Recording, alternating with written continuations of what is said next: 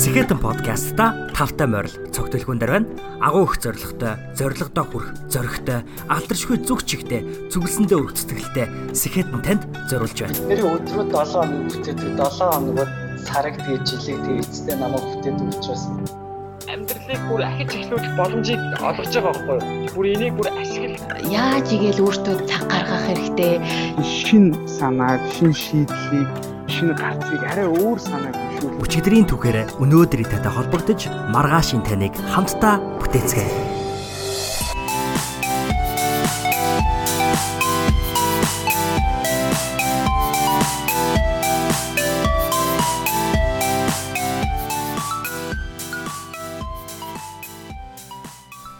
Өчигдөр би ухаантай байсан. Тийм болохоор ертөнцийг өөрчлөхийг хүссэн. Өнөөдөр би сэхэтэн. Тиймээс би өөрийгөө өөрчилж байна гэж 13 дугаар зууны Персийн гүн хаантан Рами хэлсэн байдаг. Подкастын маань энэ 7 хоногийн зочин бидэнд амьдралдаа гаргаж буй бяцхан өөрчлөлтүүд том ялгааг бий болгодгийг сануулсан чин зоригийн цэлмүү юм. Дэлхийн топ 50 сургуулийн нэг Япон улсын Синдэ хотын Тохоку их сургуульд докторийн зэрэг эзэмшин суралцж амьдарч буй нийгмийн эрүүл мэндийн магистр цэлмүү хчиг бид бүхэн уран бүтээлч дуучин гэдгээр нь төлхөө мэддэг.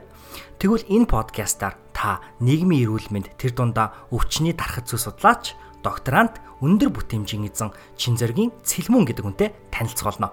Урлагийн карьераа өндөрлүүлж Япон улс дахь судлаачийн амьдралаа эхлүүлсэн түүх, Япон Монгол улсын соёлын, нийгмийн, хүний хандлагын ялгаа, шийдвэр гаргалтын сөлдөлт, Паретогийн гитдэг 80 20-ын хууль түүнийг амьдралдаа хэрхэн хэрэглэх асуудалтайгаа нүүр тулах, өдрийг хэрхэн эхлүүлж мөн хэрхэн дуусгах тухай хувийн сахилга баттай байх гэх мэтчлэн бусад олон гайхалтай сэдвүүдийн хүрээнд бид ярилцсан байгаа. Ингээд цэлмөгчтэй ярилцсан энэхүү дугаар руу хэдүүлээ хамтдаа үсгэцгээе.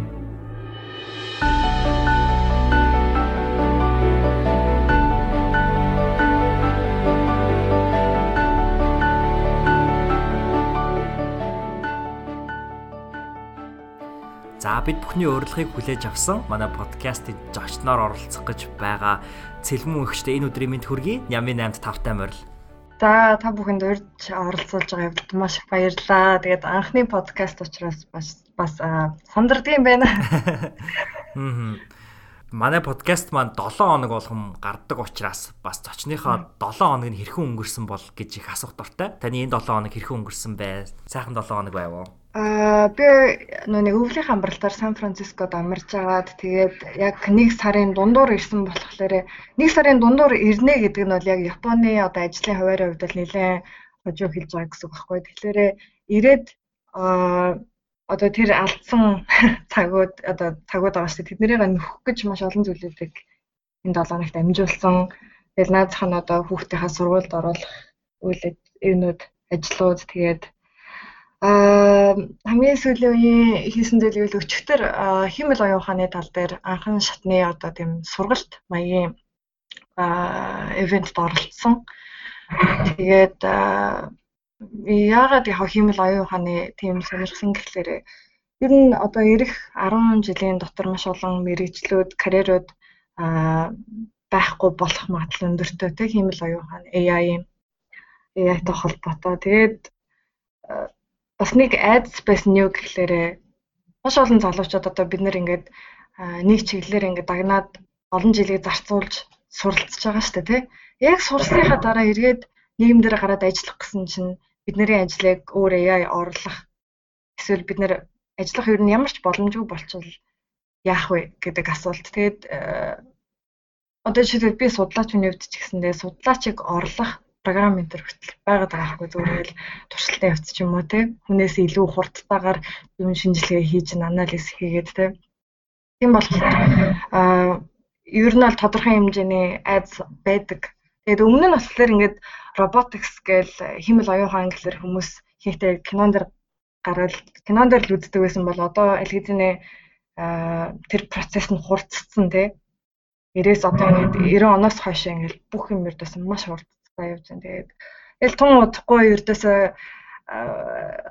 хүн төрлөختөн тэгээд роботууд зэрэгцэх тэр төвшин их ойрхон байгаа юм шиг аа санагддаг. Тэгээд тэрний одоо тэр төвшингөөс дахиад агчих юм бол биднээс илүү мундаг одоо бид нэр гүйцэж чадхааргүй төвшөнд бас очих боломжтой учраас жоохон ч гэсэндээ өөрийгөө одоо тэр чиглэлээр нэг тэмэглэе гэж бодоод өчтөр нэг тийм суусан байгаа. Тэгээ тэрнээр болохоор програмчлалын маш олон хэлнүүд байгаа. Тэгээд би бол тэр яг тийм програмчлалын хүн бол биш. Гэхдээ яг нэг одоо сурж байгаа мэрэгжлийнхаа дагуу бол R R дээр суудаг, статистик ажил хийхдээ хэрэгэлдэг учраас тийм ер нь бол анхан шатны мэдэгт хүн бол тэр тал дээр бол байгаа. Нэг тиймэрхүү. Та мэдж байгаа бид бүхэн таныг дуучин цэлмүн гэдгээр нь маш сайн мэддэг бах. Тэгээд та түрүүн бас дурж ирсэн ярьслууг удаж байгаа гэд. Тэгэхээр зэрэг бас энэ хугацаанд таны амьдралд маш их өөрчлөлт гарсан гэдэгт би бол итгэлтэй байна. Тэгээд бид бүхэнд ер нь доктор цэлмүн та түрүү хэллээ судлаач цэлмүн яг энэ хүний амьдрал ер нь амьдралын маяг ямар байдаг вэ? Өдөр нь хэрхэн өнгөрдөг вэ? А докторант цэлмүнийг бид бүхэнд танилцуулбал. За яг аюу гоё асуулт. Тэгэхээр би өдөөс энэ талаар тэр тэр болгон хуваалцаг байгаа. Тэгээд энэ чинь эрснээс хойш бол бүр ярилцлага өгөөгүй. Тэгээд Монголд болохоор илүү яг урлагийн одоо миний тухайн үеийн амьдралын хэв маяг юм бол аа тухайн үед одоо төсөл дээр координатороор ажил ажил ажиллаад тэгээ магистраараа суралцаад давхар урлаг дотроо илүү бараг миний өдрийн 50-аас дээш хувь нь урлагт зарцуулагддаг байсан. Тэгээд Энд ч яриад хамгийн гой зүйл нь байсан бэ гэхээр гудамжаар чөлөөт алхаж болох. Тэгээд автобусанд суугаад хинж над руу санан харахгүй ч юм уу те. Тэгээд тэрнээс гадна зүгээр л аюу гой хүн хүн талаасаа энгийн хүн бусдаа ижил жирийн а тэр мэдрэмжийг авах бүр хамгийн гоё юмсан. Ягаад гэвэл зарим хүмүүс тийм жоохон сонин сонсогдож магадгүй. А тэгтээ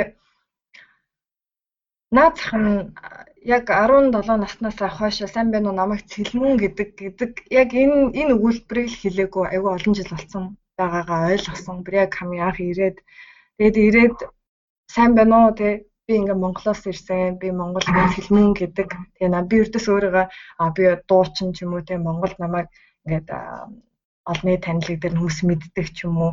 Тийм юм огт ярихгүйгээр харилцах их гоё юмсан. Яг тэгэхээр ялангуяа Монголд ямар байсан бэ гэхээр хүмүүс барыг намайг хараад надтай танилцдаггүй. Хамгийн ихний одоо ялгаа бол танилцдаггүй. А танилцах тохиолдолд мэдэн мэдэн гэд өнгөрдөг. А тэгээ тэр нь маш том одоо дутагдaltaй тал нь юу гэхээр хүмүүс олны танил гэхээр л бүх хүмүүс таньдаг. Таньдаг гэдэг нь таньдаг мөртлөө таньдгүй гэх юм уу те.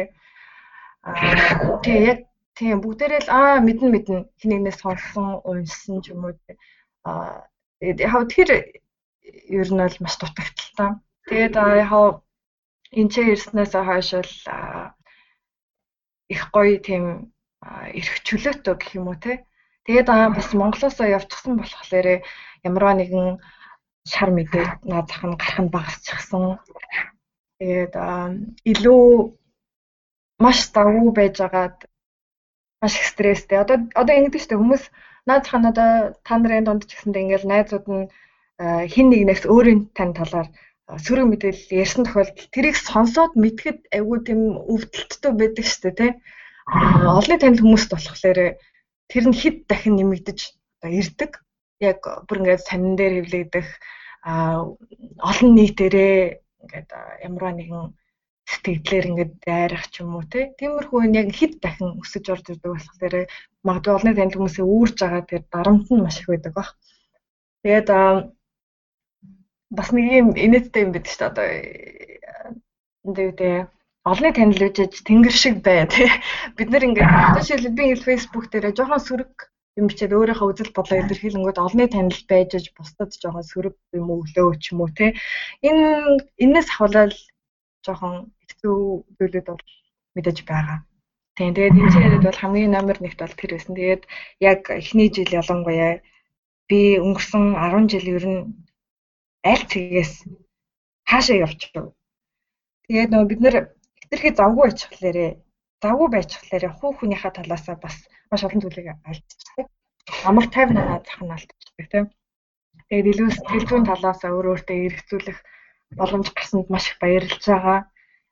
Тэгээд тэгээ яг нэг хүмүүс одоо лейбл өгдөө штэ тий одоо дуучин цэлмүү гэдэг намайг ингээд дуучин ингээд тодорхойлчихсан байхгүй тий. А тийм тодорхойлолт байхгүйгээр зүгээр ингээд өөр өөрөөр байх нь айгуу гоё санагдсан. Тэгээд бас нэг сонирхолтой туршилт нь туршилт ч одоо юу юм experience гэх юм уу юу гэсэн гэхээр энчээ ирээд хинч биш санагдах нь маш гоё санагдсан. Яагаад гэхээр нийгэмд бид нэр хин нэгэн болох гэж явдаг тэгээ угаасаа боловсрал олж байгаа нь ч тэр ер нь хин нэгэн болохын тулд өөрөө өөрийгөө а өөрөө өөрийгөө би би гэдэг хүнээ бүтээхин тулд те явж байгаа. А би болохоор өөрийгөө эргээд харахад өнгөрсөн 10 жилд яг дуучин цэлмөн гэдээрээ явцсан байж байгаа хүмүүс бүр ингээд карьерийн хувьд бол би тодорхой хэмжээнд өөрийгөө гайгүй амжилттай явж исэн гэж хардаг. А тэрийг амжилттай явж ирснийгаа чадахгүй дэ биш өөрөө зүгээр яг зогсоогоод зогсоод болоод энэ ч Японд ирээд дахиад шинээр шинээр амьдралаа дахиж эхлүүлнэ. А шинээр дахиж шинэ хууцаг амьдралтай бий болох. Яг тэр юу бол зам маань маш гоё байсан ер нь бол. Тэгээд хинж биш байх нь нэг бодлоо их гоё байсан. Ачаалал багтаа хинж наваа мэдхгүй. Ээ дугуунаад явхад хүртэл их гоё баг ингээд аа нэг тийм эмчилгээнд явж байгаа юм шиг Яг хөө тэгээд мэдээж яг энэ ч судлаачаар судлаачаар суралцаад яг энэ амьдралын хэв маяг бол тэс ондоо. Тэгээд тодорхой хэмжээгээр хувь хүний үед ч гэсэндээ илүү хөрцлөгдөж өөрчлөгдсөн зүйлүүд бол маш их байгаа. За хоёрдугаар асуулт маань яг таны сая сүүл дурдсан зүйл байгаа л да. Мэдээж хэрэг Япон улсд очоод Японы арт түмний дунд ороод амьдарч байхад Япон улс Японы соёл болон таны яг одоо эзэмсэж байгаа боловсрал те яг э, суралцж байгаа энэ боловсрал эдгээр бүх зүйл нийлээд та бас түрүүн хэллээ шинээр амьдралыг эхлүүлэх одоо шинэ амьдралын хуудсыг бичих юм боломж олгосон гэдэг. Яг энэ хуудсан дээр бичигдэх одоо тэрхүү үгнүүдийг те тэр одоо үгнүүдэд их нөлөөлж байгаа хэл та. Тэгэхээр яг энэ бүхэн нийлээд цэлмөөний амьдралын хэм маяг цэлмөөгчд хэрхэн нөлөөлж чинь ер нь яг шинэ хүн байгаа орчноосоо болж ер нь хэрхэн өөрчлөгдөж байгаа бол хөрхэн бий болж байгаа бол. Яг яг шинэ хүн гэхэд бас аюу хэцүү те. Ааха. Бидний өнгөрсөн амьдрал өнгөрөөсөн цаг хугацаа өрүүлж бидний би гэдэг нь угаасаа байж лайн дахиж бүр ингээд огт арилгаад шинээр яг бий болгоно хэвчээ. Тэгээд илүү сайжруулсан хүн гэдэг талаас юм уу те одоо хүмүүс яг одоо эпидемиологч гэхлээрээ бас мэдгүй байж магадгүй зүгээр. Ерөнхий ойлголт өгөхийн тулд ер нь эпидемиологч гэхлээрээ нийгмийн эрүүл мэнд судлаач нь хувь одоо эмчнэр хувь хүн дээр тулж ажилладаг те? Хувь хүний өвчлөлийг ангаахад эдгэхэд тусалдагтаа ижилхэн нийгмийн эрүүл мэндийн судлаач болохоор илүү өргөн цар хүрээнд одоо бүлэг хүмүүсийг байж болно. А эсвэл нийт улс орноор нь эсвэл яг дэлхийд даяар нь авч жишээ. Тэгээд өвчлөлийн тархалтыг судалдаг. Тархалт болоод этиолог одоо шалтгааныг судалдаг байгаа. Тэгээд мэдээж тархалтыг судлахад яг хин хин одоо өвчлөж байгаа энэ хүн ам зан хувьас тэгээд залуу хүмүүс, хөгшин хүмүүс, ядуу баян эр эм гэд тийм. Тэгээд хаана тухайн одоо тархалт бий болж байгаа газар зүйн талаас тэгээд цаг хугацааны. Тэгээд ер нь маш энгийнээр тайлбарлах юм бол юм байгаа. Тэгээд яг энэ дотроо би ирээд илүү юу сонирхож байгаа гэхээр яг нийгмийн нийгэм эдийн засгийн одоо энэ хүчин зүйлүүд хүний эрүүл байх эрүүл байхад хэрхэн нөлөөлж байгаа. Одоо тухайлбал боловсролын төвшин эрүүл мэнд эрүүл мэндтэй маш холбоотой. Тухайлбал одоо боловсрал эзэмшсэн одоо одоо бакалаврын зэрэгэлтэй ч юм уу те 10 жилээ дөнгөж төгссөн хүмүүс магистр доктор хамгаалсан хүмүүстэй харьцуулахад эрүүл мэндийн тэгш бус байдал ажиглагддаг гэх мэтчлэн тийм. Одоо өөр бас зүйлүүд ээж бол амьдралд туулж туулсан амьдралын хэв маяг ус байж болно. Тухайлбал бага насндаа эцгийн өвчрхийлэлд өртчихсэн ч юм уу те тийм хүүхдүүд эргээд том болоход амны үндэ одоо шүдний тоон харьцангуй бусдаас бага байх гэх мэтчлэн Тэгээд гэх мэтчлэн ер нь бас ондоо одоо би таарт илүү жоохон уян хатан байдлыг тайлбарлах гэдэг юм л да. Яг тийм тогтсон хязгаарлагдмал ердөөсөө биш. Сектор хоорондын хамтын ажиллагаа ер нь эпидемиологи чухал гэдэг. Тэгээд одоо тухайл илүү гэж болно. Архитектор бас байж болно. Одоо бид нэрээ амьдарч байгаа өрөөнд нар хэрэг тусч байна. Нар тусч байгаа байдлаасаа шалтгаалаад тэр хүний өвчин тусах магадлал эсвэл сэтгэл зүйн хувьд ч гэсэндээ хэрэг сэтгэл хямралд өртөж гин ч юм уу те одоо архитектур нь нөлөөлөх боломжтой. Тэгэхээр бид нэр илүү шинэлэг бүтээлч байдлаар яг энэ судалгаан дээр хандах шаардлага гардаг. Тэгээд одоо манай би энэ ч ирээд хамгийн их гайхсан зүйл нь юу гэхээр ихэнхдээ одоо Монголд байхад намайг олон аюу олон хүмүүс гэдэгс дуучин бижиж яагаад ангаахын их сургууль дотор явж байгаа юм бол? Тэгээд ингээд өмнө ч гэсэндээ би хувийнхаа ингээд бизнес эхлүүлээд явж хахад ч гэсэндээ дуучин бижиж тэгэл аюу олон хүмүүс комент хэлдэг. Аа энэ ч ярьсан чинь яг юу юу маш таалагдсан гэхлээрэ аа ердөөсөө л одоо тухайлбал хүний хэмжээр төгсөн бол хүний хэмжээл хийн гэсэн ойлголт байхгүй Энд чинь болохоор шүдний хэмж байна уу, хүний хэмж байна уу, а тамирчин байна уу? А одоо тухайлбал манай техникд ингээд судалгаа хийж явж байгаа. Тэр нэг талаараа эрэг давуу тал болж байгаа. Тэгээд одоо би биенийхээ мэдхгүй зүйлийг нөхөх их тэр боломжийг олгодог гэх юм уу? Тэгээд тэгээд мэдээж яг судлаач хүн одоо миний өдөр тутамд юу хийдэг вэ гэхээр маш олон судалгааны ажлуудыг одоо дэлхийд даяар нийтлэгдэж байгаа, судлагдж байгаа ямар ямар сэдвүүд байна, чиг хандлага хаашаа явж байна те. Аа тэдгээр эрдэм шинжилгээнүүдийн ажлуудтай л танилцаж унших ямар ямар үед ямар факторууд хоорондын холбоосыг холбоосыг одоо дүн шинжилгээ холбоог одоо ойлгохын тулд ямар статистик хэрэглэх ёстой юм ч юм уу те. Тэгээд ер нь өдөржингөө идэг. Ингээд маш их мэдээллийг хийгээл юм л да толгооруугаа. Гэхдээ яг тэр мэдээллийг бас ингээд өөрөө базаад өөртөө шингээх юм бас айгүй хүнд. Тэгээд маш маш их тохиолдолд а нотлохонд суурилсан нотлохонд суурилсан байх нь их чухал. Тэгээд тэгээд яг ингээд суралцж байгаа нөхцөл байдал ч гэсэндээ Монголынхтай харьцуулахад тэгс ондоо байсан анх ирэхэд багш нарын оюутантайгаа харьцаж байгаа байдал тэгс ондоо одоо үнэхэрийн даруй одоо манай статистикийн багш да Японд баг од гэж хэлж болно. Наадхан сүүлд өнгөрсөн жил Лондонд бас өөрийнхөө судалгааны ажлаа танилцуулж хахад судалгааны багууд ингээд нэр байхад манай ингээд Жун Найда гэдэг багш байгаа байхгүй. Тэнгүүд нэрийг харангуйтай л хүмүүс ирээл хөө Жун Найда танаа багш юм уу гэл.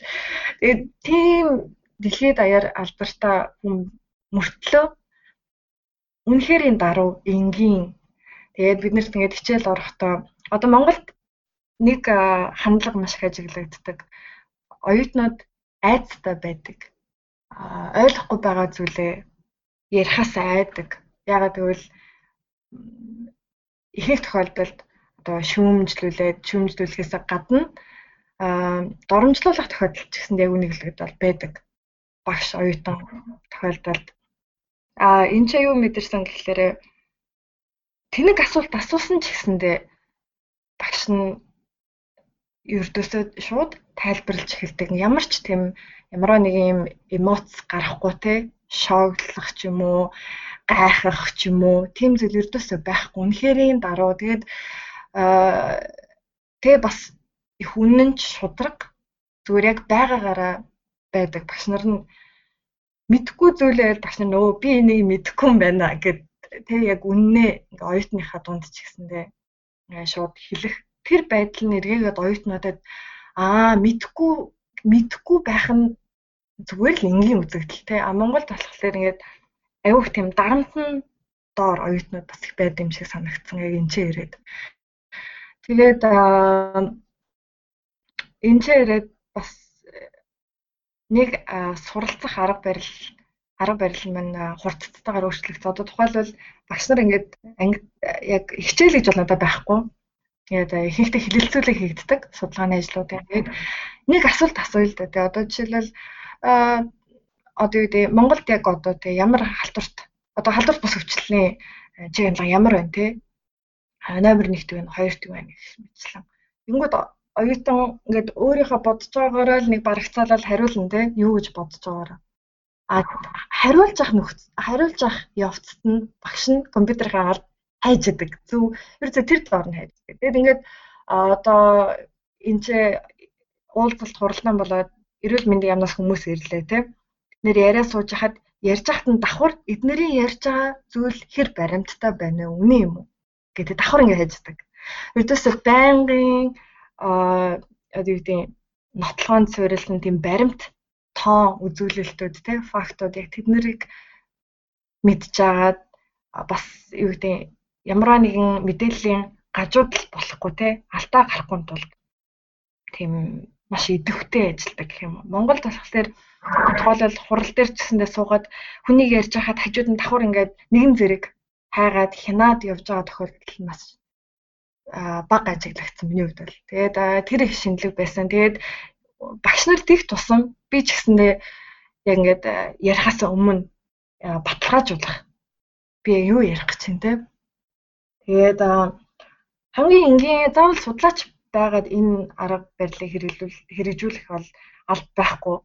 Зүгээр одоо жишээлбэл аа одоо өөрийн чинь хувьд болохоор надтай ярилцлага хийх өмнө гэсэндээ тодорхой хэмжээнд судалсан байгаа байх. Тэгээ одоо хинтээ ярих гэж байна. Энэ юу н ямар салбараас гаралтай өмнөх амьдралдаа юу юу хизээ хаана юу хийжсэн те аа гээд тодорхой хэмжээнд судалдаг. Яг энэ арга барилыг залуучууд ер нь суралцах хэрэгтэй. Аа одоо тухайлбал төгснөхийн дараа ажил хайх гэж ивэл тухайн компанийн талаар илүү их судалдаг ч юм уу. Наад зах нь идэгч хоол унд идэгч байгаа тохиолдолд тэрний талаар өөрөө илүү уншдаг. Тэгээд энэ чирээд одоо ингэ л сошиал нэтворк дээр сошиал медиа дээр би ингэ ямар нэгэн пост оруулахад хийх тохиолдолд хүмүүс залуучууд өөрсдөө интернетээр хайх боломж өндөртөө мөртлөө хүмүүс хүнээс их асуудаг. Тэгээд асуухаас өмнө аа асуухаас өмнө өөрөө тэр яг өөрөө тийм сантаа байх хэрэгтэй. Дотроо тийм мэдээллийн сантаа. Тэгээд өөрөө датагаа дотроо мэдээллүүдийг цуглуулад аа магадгүй энэ оронд ингэж Америкт ингэсэн байтал тий Солонгос ч юм уу Австралид ч юм уу ийм ийм ийм өөр өөр ийм одоо мэдээллүүд аваад байна. Өөр өөртөө тэрэндээ ингээд дүн шинжилгээ хийх тэр боломж одоо тэр арга барилыг сурах хэрэгтэй. Тэгснийхаа дараа хинтээ уулзах уу? Аа уулзчаад тавих асуултаа бас зөв тавих. Яг тэр боломж нь гарч ирж байгаа. Тэгээд нь яриад байл маш маш олон ялгаанууд байна л да яг энэ чирснээс хойш мэдэрч байгаа. Тэгээд Япон Монгол гэдэг ирэхлээр яг юу гэдэг хамгийн энгийн бяцхан бяцхан зөрөөнүүд зөрөөнүүд чинь өөрсдөө нийлээд маш том ялгааг бий болгоод байна. Одоо тухайлбал би нэг жишээ татав. Би анх ирээд бас гарсан зүйл нэг үсэлэр ихэнхдээ бид нар ингээд ямар нэгэн асуудлыг шийдвэрлэж байгаа тохиолдолд том том юм ярихыг л чухал гэж боддог тий том а би нэг хүүхдийн цэцэрлэг дээр очиод эцэг эхчүүдийн хурал дээр нь суусан чинь би бүр анх эхлээд үнэхээр гайхсан тэрийг сонсоод юу байсан бэ гэсэн чинь хүүхдүүдийн зүгээр тийм спорт наадам байгаа хгүй. Спорт наадам болсны дараах хилцүүлэг байж байгаа хгүй Тэгээд жил болгон эцэгчүүд нь цуглараад дараа дараагийн энэ наадмуудыг хэрхэн сайжруулах байгаа шийддэг. Гэсэн чинь тэрэн дээр юу хэлэлцэн гэсэн чи хэлэлцэн гэсэн чинь тэгээд дэс байгаа шүү дээ. Дэс одоо дэсийг ингээд хоёр талаас нь эцэг эхчүүд нэг нэгээр ингээд бариад тэр дэсний доогуур нь хүүхдүүд гарах хэрэгтэйсэн байхгүй юу? Гэсэн чинь тэрний юуг нь ярьж байгаа гэсэн чинь тэр дэсний бариулыг халиалгаж биш те яг энэ хэдэн градус ийшээ жоохон ингэж бариул зүгээр юм бэ лээ. Тийм юм ярьж байгаа байхгүй юу? Тэгээд би бүр ингээд гайхаад тэгээд жишээлбэл гарсныхаа дараа хүүхдүүд ингээд Google те хүзэндээ нэг юм углаад тайлаад дараагийн хүүхдэд өгж байгаа шүү дээ тэр углаад тайлах нөхцөлд ч гэсэндээ ингэж углавал зүгээр юм байлээ. Ингэж тайлбал илүү хүүхдэд эвтэх юм бэлээ гэж ярьж байгаа байхгүй юу. Энийг монголчууд маш олон одоо тухайд байгууллагын ч юм уу те ажилтнууд сонсох юм бол энийг нүрж магадгүй юу яриад байгаа юм бэ те үнэхээр жижиг бяцхан асуудал шүү. А тэгтээ үгүй үгүй юм бэлээ. Яа тэгвэл яг тэр бяцхан зүйлээс чинь л эхэлж өөрчлөлт гарна. Тэгээд тэрийг заснаа л тэгээд одоо юу гэдэг том том асуудал байгаа том асуудлаа илүү нарийсгаад нарийсгаад нарийсгасаар ээж бид нэр илүү одоо илүү л сайжруулж чанартай болгоно гэсэн үг байхгүй. Тэгээд тэгээд яг тэр байдал нь Япон хүмүүсийн яг тэр хандлага нь их гоё. Үнэхээр гоё. Тэгээд тэгээд Монгол Япон хүмүүсийн хандлага их ондоо байна. Тэгээд би бас сүүлд их байсан бил бүр намайг нэг а 10 маралтай үед л Монголд нэг Япон эмэгтэй ирж ирсэн. Тэгээ манад барьлаад тэгээд би тэр эмэгтэйд айгүй нэттэй тухайн үед юу бодож шигсээ. Өөрийнхөө ингээд бүр нялхахынхаа 6 ингээд бэлэг болгоод явуулсан байхгүй юу? Тэгээд бүр айгүй олон жилийн өмнө болчихлоо шүү дээ. Тэгсэн чинь сая саяхан тэр хүн ээжтэй холбоотой байж тараа. Тэгээ ээжэд байсан гэсэн чинь миний зургийг одоо хүртэл хадгалаад одоо хүртэл хадгалаад тэгээ тэр эмэгтэй Японд амьдардаг. Японоос хаашаа жилээд нүүцсэн байгаа байхгүй юу? Нүүхтэй хүртэл миний зургийг аваад явцсан байгаа байхгүй юу? Тэгээ тэр тэгээ тэр нэг нэг хүн дээр ажиглагдаг. Бас нэг өөр Япон байдаг байхгүй юу? Аа наваас баг байхад бүр одоо гэр бүлийн найзууд болчихсон. Тэр хүн яасан гэсэн чи би жоохон бахтай зүгээр нэг хүүхдийн нэг юм одоо бүр ингээ хүн гайхшруултал зурхгүй штэ хүүхэд зүгээр нэг хүүхдийн зураг байдаг штэ. Тийм зураг зураад өгөөд явуулсан байгаа байхгүй. Тэгсэн чинь одоо тэрийг хадгалдаг.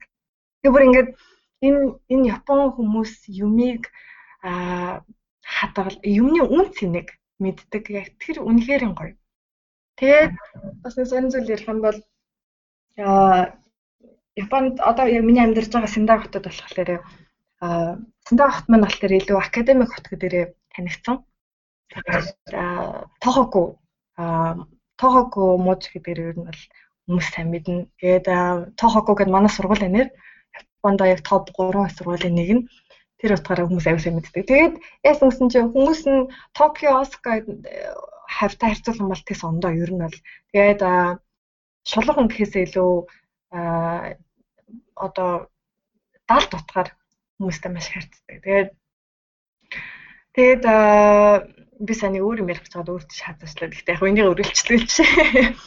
Жишээ нь энийгээ зогсоогоо нөгөөд өргөлчлүүлээ. Юу гэхээр анх ярьцээд аа дугуун дээрээ дугуун унаал дугууныхаа уртын сагсан дээрээ бүх өөрх ангил цүнх мөх юу гэдэг юмнуудаа хийчихэл явж агаад ачихад их ачаад болчихгүй. Тэгэхээр за за нэг годомжны тэнцээ дуугаа 50-га дээр нь үлдээгээд явчихъя гэд. Тэгээ үлдээгээд би бараг нэг 2 цаг гарсан баг. Буцаж үрж ирсэн чинь ерөөсө бүх юм яг ингэ байдгаараа хинч булгаалаагүй хүрээгүй ингээ бүх юм байдаг. Тэгээд гайхаад дараа би туршилт хийж үзсэн байхгүй. За бид бол уцаа үлдээж үзье гэж бодоод уцаа үлдээчээд уцаа үлдээчээд хоолнд орчоод буцаа гарч ирсэн чинь миний уц байсан байхгүй. Тэгээд би яг тэрнээс хойш ер нь энэ хүмүүсийн хуу хөний төлөвшил аа маш ондоо төвшөнд явж байна. Тэгээд хүний юмд өртөөсөө хүрдэггүй. Тэгээд ингээд газар би нэг удаа зам гарчаад а нэг ингэр дээрээ зооцсон байсан нүдний шил унцын унцныгаа анзаараагүй. Эгэнд санаад эргээд хайсан газар очисон чинь миний нүдний шилийг аваад дээш нэгээ тавьсан байхгүй. Тэг өчтөр бас годамжаар явжсэн чинь хүүхдээ нэг ингээ готлон сураад унсан байгаа. Тэгээ суурсан сураа үлдсэн гутлыг ингээ дээш нь аваад тавьсан байхгүй. Тэгээд үнэхээр а яа тийм соёл нь ингээ бүрдчихсэн нийгэм байна. Тэгээд а Монголтой харьцуулсан бол Японч өөрөө суурин соёлтой тийм яг олон жил өөрөөсөө яг энэ нийгэмдээ ажиллажсан технологи нь шийдэгдчихсэн бүх юм ингээ бүрдчихсэн. Тэгээ ямар хоол идэх үү? Ямар хувцас, ямар үед хормон дээр ямар хувцас өмсөх хэвтэй, төгсөлтөн дээр ямар хувцас өмсөх хэвтэй. Тэгээ бараг хүмүүсийг юу өмсөд явж байгаагаар нь энэ хүн хаашаа яваад ирсэн байна гэдгийг тодорхойлох боломжтой тий. Тэгээд ямар үг хэрэглэх нь хүртэл ингээд тодорхой болчихсон. Бүх юм ингээд тодорхой дүрм журамтай.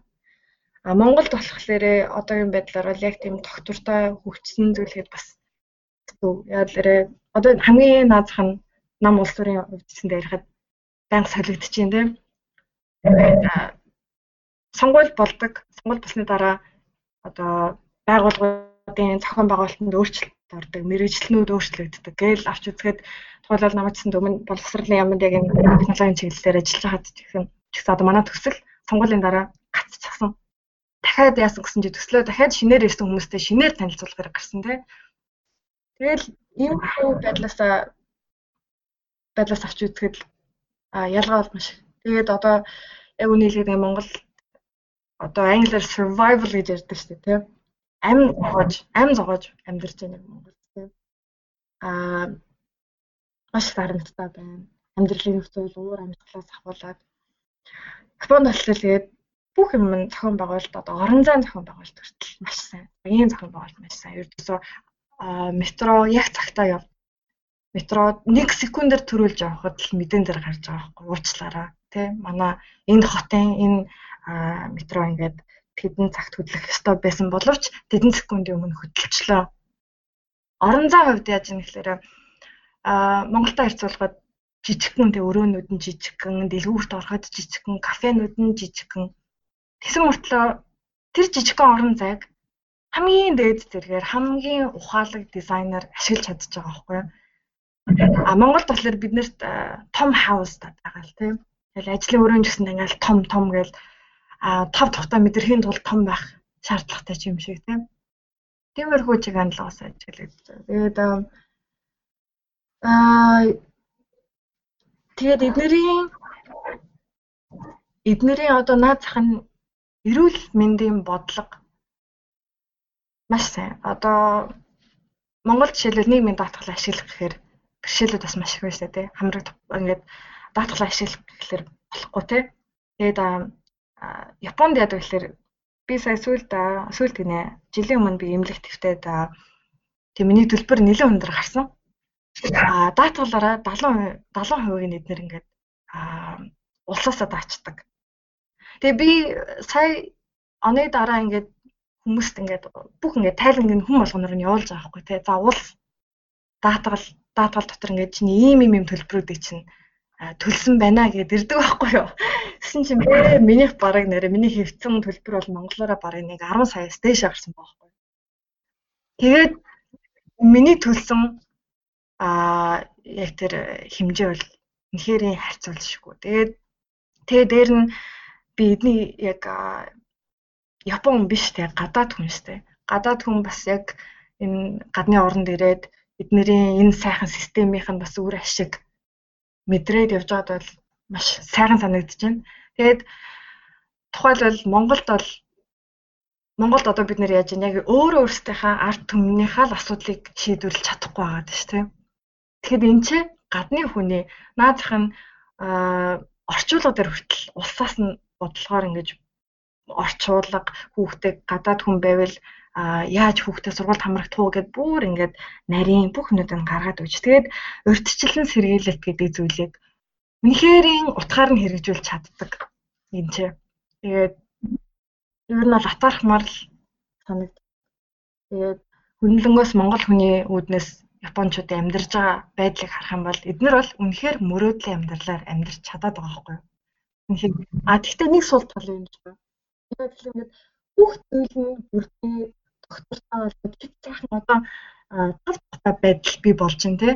А тав тухтай байдалд ингээд удаан байгаад ирэхээр хүн яаж юм гэхээр илүү одоо уян хатан байдал нь бас алдагдаад байгаа юм санагдаж байна. Одоо Япончуудын ямар нэгэн яаралтай хэрэг гарлаа гэхэд уян хатан байдал төрөн шуурхайн сэтгэл юмыг юмар орлуулах ч юм уу тийм юм байхгүй. А Японд болохоор одоо жишээлбэл нэг нэг бүтээгдэхүүн байлаа хэтэр бүтээгдэхүүнийг зөвхөн зориулсан зориулж гаргасан зүйлд нь л хэрэглэнэ гэдэг ойлголттой. А бид нар монголчууд нэг юм нэвтрлээ гэхэд орлуулад ч юм уу те а нэг үйл ажиллагаан дээр гинт нэг юм а одоо тухайн нэг хөтөлбөр нь алдагчлаа гэхэд тэр хөтөлбөрөө яаж хийж байгааг бид ингээ аюу хурдан шуурхаа ингэж уян хатан байдлаар авч явдаг бол Японд нэг юм ингээ үйл ажиллагаа хийж байхад нэг юм зогсчлоо.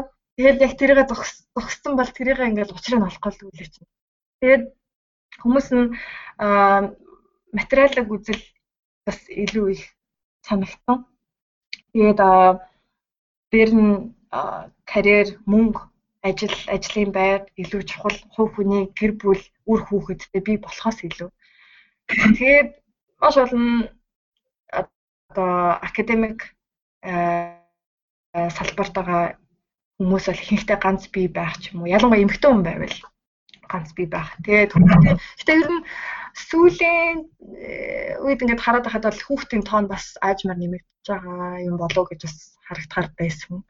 Тийм. Гэхдээ одоо нэг дэлхийд даяараа насжилттай холбоотой асуудал аа одоо хөндөгдөж байгаа шүү дээ. Монгол бол харьцангуй залуу учраас бас яг энэ асуудал тэр болгон хэлэл одоо ярихдаггүй байгаа. Тэгэхээр насжилт өндөр насжилт насжилттай а орон учраас ингээд зах захын ингээ захын хот суурин газрууд байгаа шүү дээ. Тэдгээр суурин газрууд нь бүр ингээ эзүүтэй. Тухайлбал одоо сургууль байлаа гэхэд сургуульд нь явах хүүхд байхгүй болц тэ. Бүгдээр хөвшчүүл болсон. Тэгээд сургуулийн нь одоо яаж ашиглах уу гэхээр хөвшчүүл зориулсан төв болгох жишээ тэ. Имлэг эсвэл болгох жишээд орлуулах. Зарим хот суурин газрууд нь бүр үгүй болж байна. Хөнгө болоод.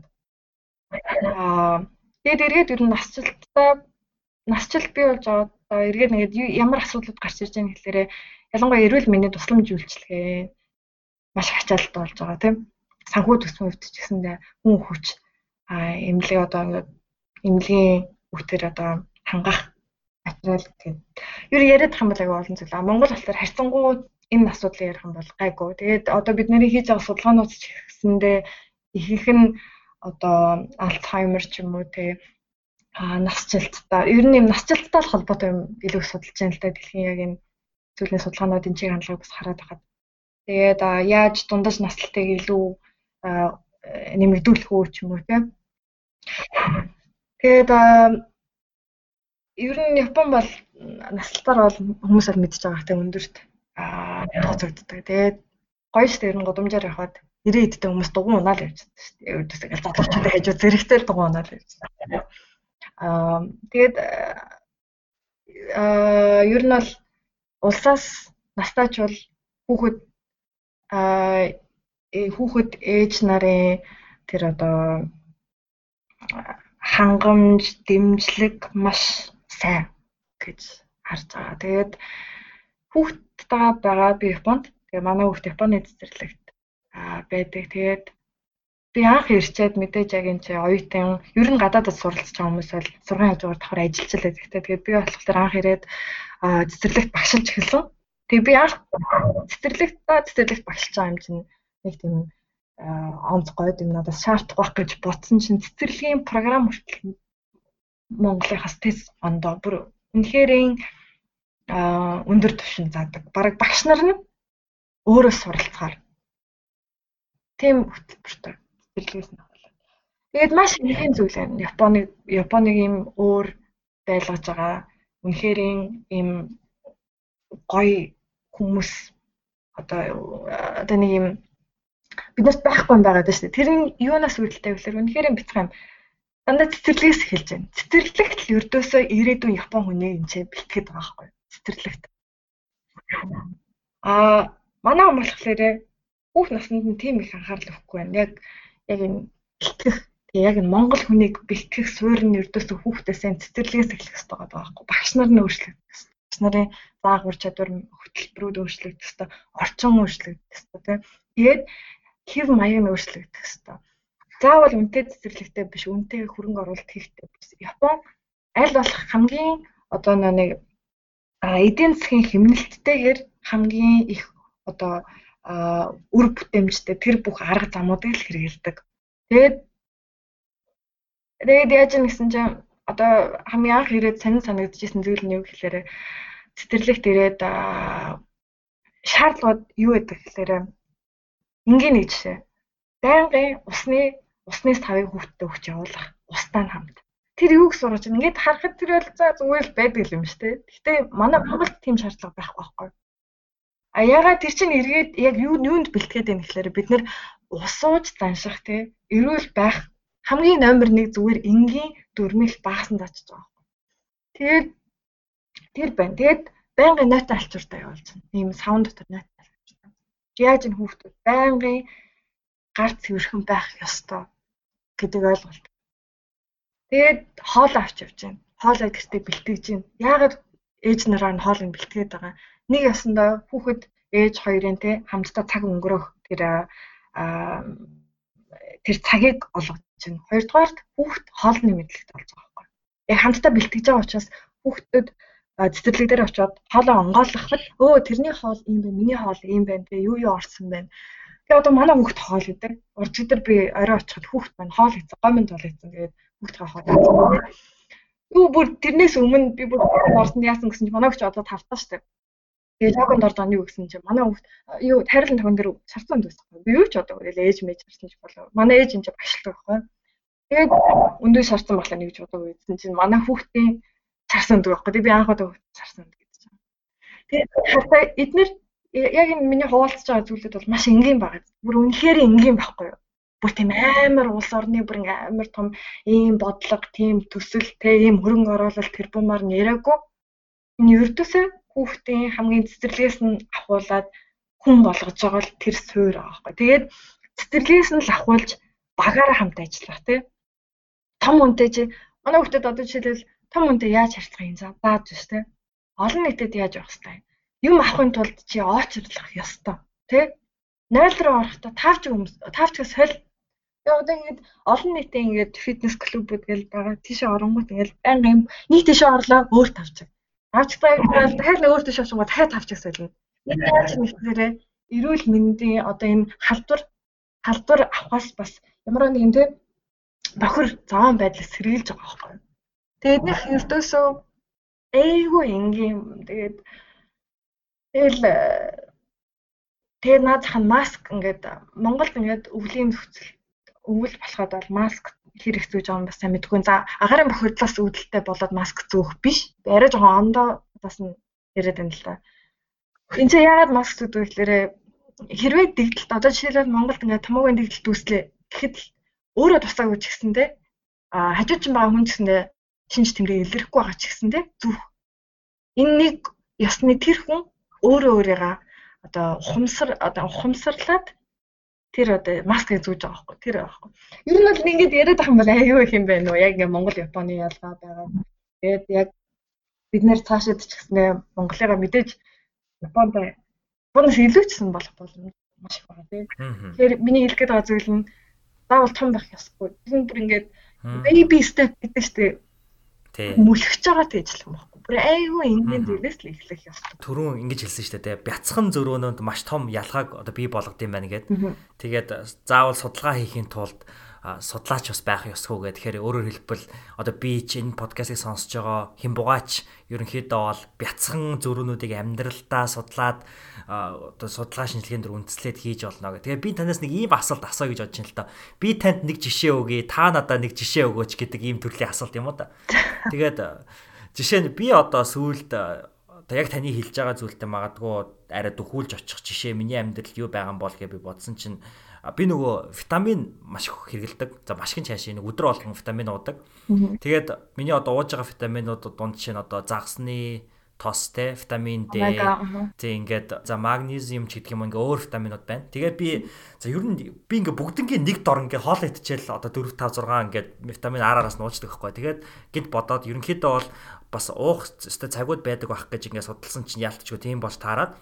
Тэгээд одоо жишээ нь магнезиумаас шүүн унтахаас өмнө яг унтахтаа зориулж ууж байгаа ч юм уу, fish oil-оо яг хоолтойгоо уудаг ч юм уу. Тэгээд стрессний эсрэг витамин олохоор өглөө кофетэйгээ зэрэг ууж кортизолынхоо левелийг багасгадаг ч юм уу. Ингээд иймэрхүү юмыг одоо хийсэн л дээ. Тэгээд үүнтэй адилхан та бас яг амьдралдаа гаргаж байгаа юм жижигхэн зөрүүд дээр ч юм уу ийм жишээ өөрийнхөө амьдрал гаргасан жишээ биднэрт дурдвал юу байгаа ол сүүлийн үед бий болгосон. Одоо жишээлбэл юм л да. 2000 17 он санаж байгаагаар бид нэр ингээд нэг судалгаа байсан. Гэхдээ аль улсад хийсэн судалгааг нь санахгүй байна. Хүмүүсийн нийт ажилтны цаг буюу одоо 200 миний нь 220 сая гаруй цагт дүн шинжилгээ хийхэд хүн өдөрт дунджаар одоо бид нэг янз бүрийн аппликейшн байгаа утсан дээр тэр болгоны шалгах тоон 300 удаа байна нэ дунджаар нэг хүнийх өдөрт үү? Тийм. Тэр тэгээ тэрэнд тэр э, орох тоолонд тэр үйлдэл нь бидний төвлөрөх чадварыг бууруулдаг. Тэгээ цаашаа ярих юм бол одоо сэтгэлийн тэнхэнээс иддэг гэж ойлгож байна. Тэр үйлдэл нь баг багаар. Тэгэхээр бид нэр амьдралд амьдралд ч уу одоо бидний сурах гэж байгаа эсвэл ажиллаж байгаа энэ карьер болгонд юу чухал вэ гэхээр бид нэрт дүргээл зөв ухаалаг шийдвэр гаргах нь хамгийн чухал байдаг. А тэгээд шийдвэр гаргалтын ядаргаас сүлдаа юм одоо одоо цуцалт гэж нэг юм байгаад байна л да. англиараа decision fatigue гэж нэрлэж байгаа. Тэгээд яг энэ зүйлийг мэдээд ойлгоод ойлгож авч чадах юм бол яг энэ бид нэр өдөрт дөрвөгөөчтэй байх. Үүнийхээ одоо тэр цуцалтынхаа эсрэг зогсох боломжтой юм байна гэдгийг бол сүүлд ойлгосон. Тэгээд за ингээнээр тайлбарлах юм бол яг энэ энэ шийдвэр гаргалтын солида гэдэг нь юу юм бэ гэх юм. Тэгэхээр сайн дүгнэлт шийдвэр гарах ур чадварын дороотл гэсэн үг байхгүй. Тэгээд тухайлбал Америк нэгдсэн улсын нэг судалгаан дээр яасан гэсэн чинь шүүгчнэр одоо гэмт хэргийн шүүхийн шийдвэр гарах нийт одоо 1000 1000 гаруй тохиолдлоос 1000 гаруй тохиолдлоос ямар хүмүүс нь эерэг хариултуудыг тэр шүүхийн шийдвэрээс аваад гарж ийн гэд энэ энэ decision fatigue-ийн талаар сонссон уу? Аха, сонссон. Тэгээд ямар хүмүүс нь ямар хүмүүс нь ер нь эерэг хариу шүүхээс аваад гарч ийн гэсэн чинь одоо тэр хүний гэмт хэрийнх нь нөхцөл байдал ч юм уу огт хамаагүй. Юу байсан гэсэн чинь ердөөсөө тухайн өдрийн ямар цагт тэр гэмт хэргийн хилэл одоо тэг шийдвэр гаргагдчихсэн тэр нь хамаатай болж таарсан. Тэгээд тэгээд би яг бодоодсэн чинь тэгэхээр миний шийдвэр гаргалт хязгаартай юм бол хамгийн эхлээд а ердөөс ердөөс өдрийнхаа эхлэлүүдийг би хамгийн гол гэсэн дистаралтаар ер нь дистаралтаа өөрчлөх ёстой юм байна л гэдгийг ойлгосон. Яа тэгэхээр өмнө миний яг өөртөө амьдралдаа хэрэгжүүлсэн зарчим маань одоо 80 20-ын зарчим байгаад байгаа тийм. 80 20-ын зарчим дээр болохоор яад гэхээр одоо тухайлбал одоо нэг байгууллага гэж одоо тийм байгууллагын 100% хүмүүс нь одоо ажилтнууд нь 100% ажилтнууд нь тэр байгууллагын амжилт олдын 100%-ийг нь бий болгодог гэсэн үг бол биш. А боддоор харах юм бол их их тохиолдолд 20% нь байгууллагын 20% тэр хамгийн чадварлагтай ажлыг базаж нугалж чаддаг 20% хүмүүс нь тухайн байгууллагын олох 80% амжилтыг нь гаргаж идэг. Тэр энэ харилцан хамаарлага. Тэгэхээр аль 20%-ийг өмнө болохоор тэр 82%-ийг би яажсан гэхээр аа одоо нийгэмд ажиллах стандарт цаг гэж байгаа шүү дээ. Өглөө босоод яг ингээд өглөө тэдэс тэдэн цаг гэд би болохоор өөрийнхөө биологийн, физиологийн цаг дээр илүү анхаардаг гэсэн байхгүй. Тэр 80 20-ыг бодглохлоор яг тэгэхээр би өөрийнхөө ямар 20%-ийг ямар цаг ямар цагт ямар хөрөнгө оруулалтыг би хийх вэ гэд шийддэг байсан. Өмнө нь болохоор одоо нэг юм шүү дээ. Өглөө гэхээс илүү орой илүү өөр бүтээлтэй ажилтдаг ч юм уу те хүмүүс одоо би өөрөө яг орой бүр ингэж аягүй сайн төвлөрдөг ажилдаг тийм талтай. Тэгээд яг 80 20-ын зарчимдээ буруу гэсэн үг бол биш л дээ. Зүгээр яг яаж өөртөө одоо энэ шинэ одоо энэ шийдвэр гаргалтын солидаатаа тэг яг энэ хоёроос би яг тэр цогц амьдралын хэв маягийг өөртөө бас бий болгох тэр тал дээр бол ажиллаж байгаа сүлд. Тэгээд хамгийн түрүүнд юу ойлгосон бэ гэхээр ялангуяа эмэгтэй хүмүүс чинь нэг тийм өмсөж зөв хүүс гэдэг нүүр ам гээл өглөө босоод ирдэс ингээл гаргаж байгаа шийдвэрүүд нь аюу ондоо байгаад байгаа дээ тийм. Юу өмсөх үү гэж ахвал ердөө хэрвээ бид нарын шийдвэр гаргалт хязгаарлагдмал юм бол тэр төөхөн байгаа хязгаарлагдмал тэр чанартай алхмуудыг яагаад тийм хэрэггүй зүйл бид өөрөх хэвээр. Тэгэхээр бид нэр яг наад зам хутлаас ахвалаад өөрчлөгдөх шаардлага болчихсон байхгүй юу? Тэгээ. Тэгээд аа тэгээд нөгөө нэг нэг подкастад сонсдог. Тэгээд тэрэн дээр ингээд цуглуулад байхад ер нь юу яг энэ инженер хэлж байгаа энэ онд би юг илүү хэрэгжүүлэх ёстой бостой ёстой юм бол гэд бодоход наад зах нь уцсныхаа хэрэглээ аахгүй. Тэгээ яг өглөө босоод ерзөө би бол хамгийн түрүүнд өглөө босоод аа сошиал медиагаа нэг харчаад аюу олон нотификейшн ирсэн тий. Хараад тэгэл мэйлээ шалгаад тэгээд энэ ядаг гэсэн чинь ердөөсөө бид нэр өөрөө өөрсдөө аа ямар нэгэн ирж байгаа сошиал медиас ирж байгаа бүх тэр сэрүүлэг болгоно бидний хариу үйлдэл үзүүлэхэд тасалж болж байгаа тий. А тэрний оронд уцаа барихгүй шууд ердөөсөө тохон өдрөө юу юу хийх хэрэгтэй хамгийн том чухал нэн чухал гэсэн даалгаврууд өөртөө өгөх чухал юм байна. Тэгээ тэрнээс гадна хоёрдугаар юу ойлгосон юу ойлгосон ч гэж дээ энэ болохоор ер нь бол факт л та бид нэр ингээд юу гэдэг та асуудалгаа нүүр тулахаас илүү ингээд асуудлаасаа цухтаахыг явах оролддог тийм. Тэгээд наад зах нь одоо ингээд найзуудтайгаа ингээд таарахаар бид нэр ингээд юу гэдэг одоо надаас одоо асууж байгаа байдал нь асууж байгаа байдал нь ингээд нэг тийм сөрөг бишээ сөрөг юмыг дурдж байгаа хэрнээ надаас яг тэр тэр сөрөг зүйлийнх нь жинхэнэ бодит байдлыг хэлхийг хүсэх биш арай нэг тийм зөөлрөөсөн ч юм уу те? Аа зүгээр зүгээр те? Зүгээр штэ нэг хаяа алдаж олон юм уу? Нэг тиймэрхүү өөрт нь таатай байдлаар сонсох хандлагатай байдаг хүмүүс те би гэсэн өөртөө тийм аль болох ингээл за яг энэ асуудлын талаар бодмааргүй юм ч юм уу?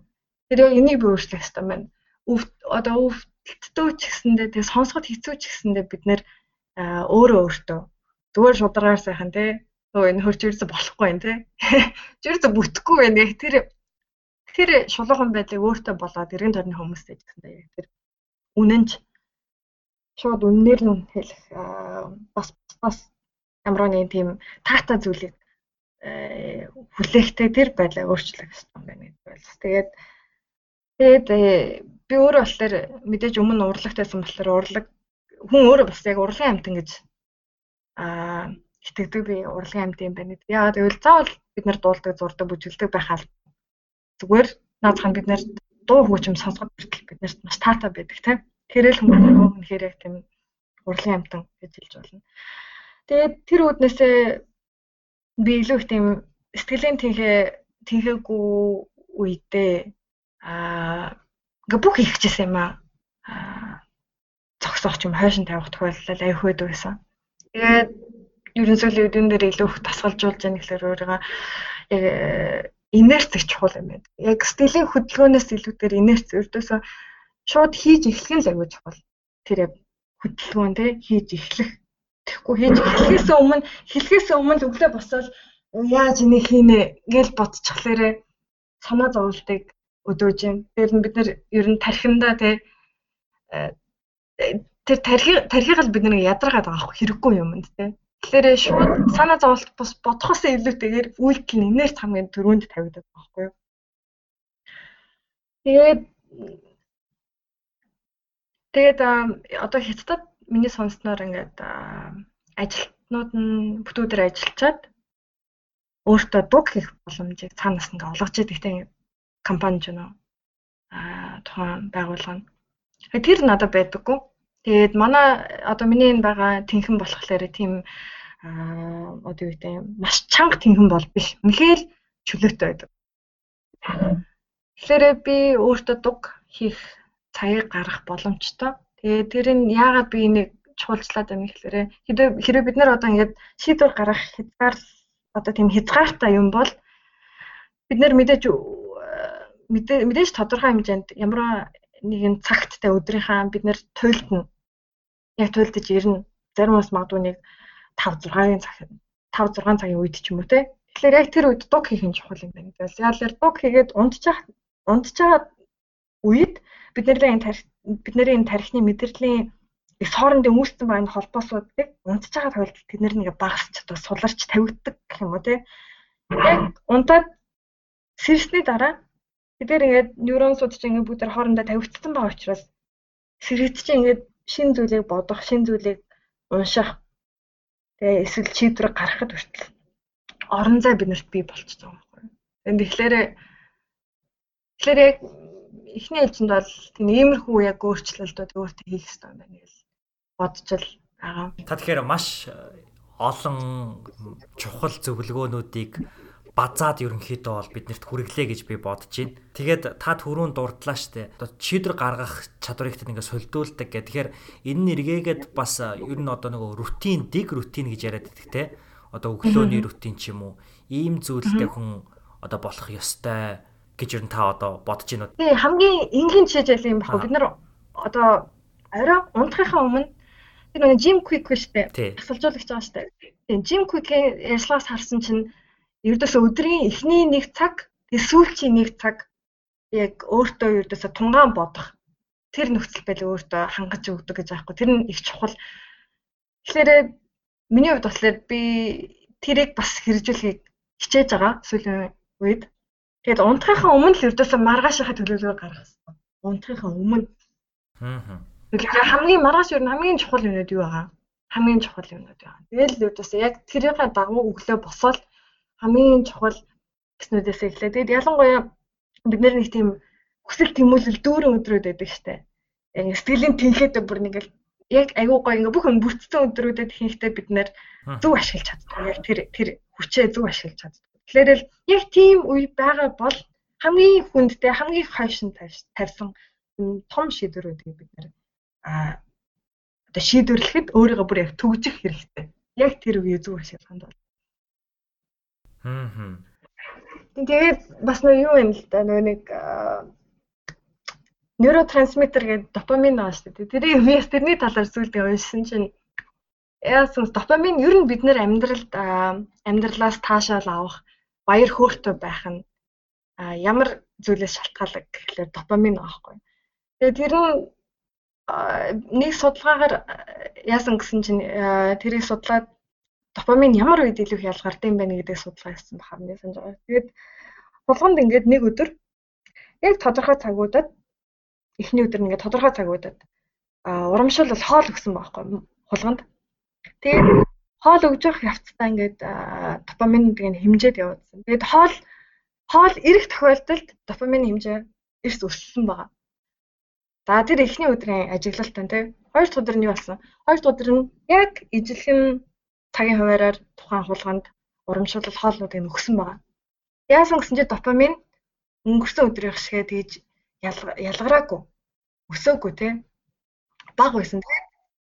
Тэрний үс үг гэхээр допамин болохоор а ердөөсөө тийм хүлээ хүлээгээгүй а санаандгүй тий санаандгүй тийм зүйлээс л допамин ялгардаг гэж. Одоо жишээлбэл за одоо надад нэг за одоо надад миний төрөв чинь нэг 10 доллар байгаа хта гэж бодъё л да тий.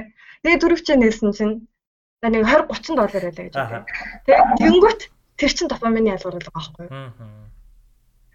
Тэгэл би яг тэгээд допаминыг болохоор иймэрхүү тохиолдлууд илүү их ялгаруулд юм байна. Тэгээд бид нэр өөрсдөө бас яаж энийг илүү их дэмжих вэ гэхээр витамин D авах, B6, B5 те тэгээд бас тасал хөдөлгөөн.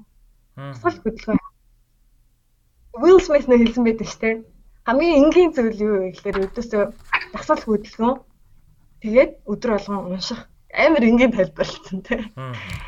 Танд их сонирхолтой статистик үргэлж да. Энэ болохоор 2012 оны статистик. Яг яг хэрхэн хүрэх одоо хийснийг бол би сайн мэдэхгүй. Гэхдээ та түрүү дурдж исэн нөгөө шинэ хүн болох гэдэг. Тэгээд шинэ он гарахаар хүмүүс бүгдөө шинэ жил, шинэ бие те New Year, New Me гэдэг ингээд зорилгоо тавьдаг. New Year resolution шинэ оны зорилгоод гэдэг. Тэгээд энэ нь болохоор 1 сарын 15 буюу одоо өнөөдрөөс нэг 5 4 хоногийн өмнө хүмүүс яг нийт хүмүүсийн 95% нь жижигхэн болон том байдлаар нөгөө шинэ оныхоо зорилгоодыг зөрчсөн байдаг те. Аль 15 хоногийн дотор. Тэгэхээр зэрэг нөгөө тань одоо таны түрүүнд дурдж байгаагаар одоо энэ допамин ч гэдэг юм уу эндорфин ч гэдэг юм уу одоо эдгээр зүйлүүд маань прогресс хийхээр ч юм уу өсгөөр ч юм уу дэвчгээр бас нэг ялгардаг зүйл байх л та. Тэгэхээр нөгөө хүмүүс чинь ингээд өөрийнхөө тавьсан зорилгоодоо хүрч чадаагүйгээс болоод одоо 19 онд бүр айхтар гайхалтай хүн болно гэтэл аль хэдийн тэр зорилгоо нэг зорилгын зөрчилсөн байхад нөх хөгжих дэвших юм байхгүйгаас байгаагүйгээс болоод ингээд тэг сэтгэлээр унаад тэгээ тэр нь ингээд бүр цаашлаад магадгүй нөө инерц гэдэг шиг бүр ингээд доошоо унаад явцдаг. Тийм учраас яг энэ нөхцөл байдалд байгаа хүн байгаа байх. Та тэр хүнд ер нь юу гэж зөвлөх байсан бол? Яг үнийг хэлээд хүмүүс их их тохиолдолд одоо би ингээд унчлаа гэж бодъё те. Сэтгэл зүйн хувьд ч юм уу унчлаа. Ихэн нэг юм намайг татаж босхийг хүлээдэг. Тэгэл ингээд нэг бол айгүй тийм э, мотивац өгөх хүний ярилцлага хүлээдэг ч юм уу те. Хин нэг нь хин нэгний л хүлээгээд байдаг. Тэр бол хүн угаасаа бид нарыг өөрчлөх биш. Хүн өөрөө өөрийгөө л өөрчлөх гэж бол бид нар бол би би ч нөө бусдын ч нөө те энэ нэг нь ийм шүү тийм шүү ч байгаа их хэрэгтэй гэдэг хахад тэр бол зүгээр төр зүрийн одоо energy drink шүү дээ. Яг тэрнтэй л ижилхэн байхгүй төр зураг байхгүй юу. Одоо тухайлбал бидний толгой өвдөж хагаад бид нэр эм уугаад өвчнийг намдаачлаа. А тэр бол зүгээр шинж тэмдэглэл төр хөнгөж өгж байгаа тий. А түүнээс шиг асуудлын өвчлөлийн голомтыг шийдвэрлэх байхгүй. Тэгээд бид нар л сонголт байна. Термометр авах уу, термостат авах уу, термостат авах уу гэдэг чинь бидний өөрсдөө сонголт авахгүй. Термометр чинь яг л өө би өнөөдөр ингэчлээ, миний эргэн тойрон ийм болчлоо тий. Тэрнийхээ одоо тусгал нь байгаад байдаг. Тэгээ үзүүлэлт нь байгаад байдаг. Тэгэл өөрөө өөртөө сахилга баттай байх нь ламын чухал юм болоо. Тэгээд аа сахилга бат гэдэг зүйл ер нь үнэхээр чухал. Тэгээд сахилга батыг бий болгохын тулд бид юмэг одоо хамгийн энгийнээр тайлбарлах юм бол одоо бид нэг юм хийх гэж чадахгүй байна шүү дээ. Чадахгүй байна. Одоо шийдвэл би аа яг нэг өөрчлөлт. За жишээлбэл бижин хасгаад нэг тасгал хийх гээд тасгал хийх гэхээр л хөдөлж өгөхгүй байна те. Яах вэ? Зүгээр маш энгийнээр хэл 10 20 минутаар л хэл. Тэгээ тэрийг өдөр болгон давтснараа байнгын давтж байгаа хөдөлгөөнчл бидний зуршил болж байгаа шүү. Тэгээ зуршил чинь бидний амьдралын хэв маяг болоод би хинбэ гэдэг чинь л үрдөөсө зуршил тэр чигээрээ шийддэг. Юу хийн тэр бол өөрөө түүнээс биш Тэгэл ямар ч гэсэн миний зөвлөж байгаа зүйл бол эхлэл тийм хүчтэй байх албагүй. Нэг 5 10 минут л байхад хангалттай. 5 10 минутыг л хэцүү байсан ч гэсэндээ дараа дараагийн өдрүүдэд өдөр болгон давтаад өдөр болгон давтаад онгод бидний тарих чинь яг нэг булчин шиг ажилтдаг гэдэг тэгдэж шүү дээ. Тэгэл тэрнтэй ажиллах байхгүй сэтгэхгүйгээ гэсэндээ яг тасалжуулах хэрэгтэй. Одоо сэтгэл зүйн оюун ухааны ч бид нэр өөр өөртөө тасалжуулагч байх ёстой. Зөвхөн гоё харагдах гад бие тасалжуулах бус те ер нь бүх зүйл дээр ч гэсэндээ.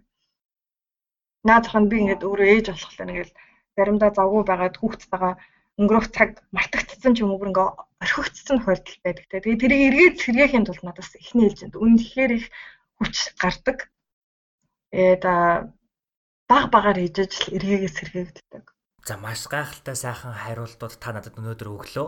Би тэгээд подкаста цаашаа юу нэл үргэлжлүүлэх хідэн цагч тантай болно яриа л хахад бол үнэхээр таатай байна. Тэгээ би хамгийн сүүлд бол нэг асуултыг л танаас би асууя гэж бодож байна.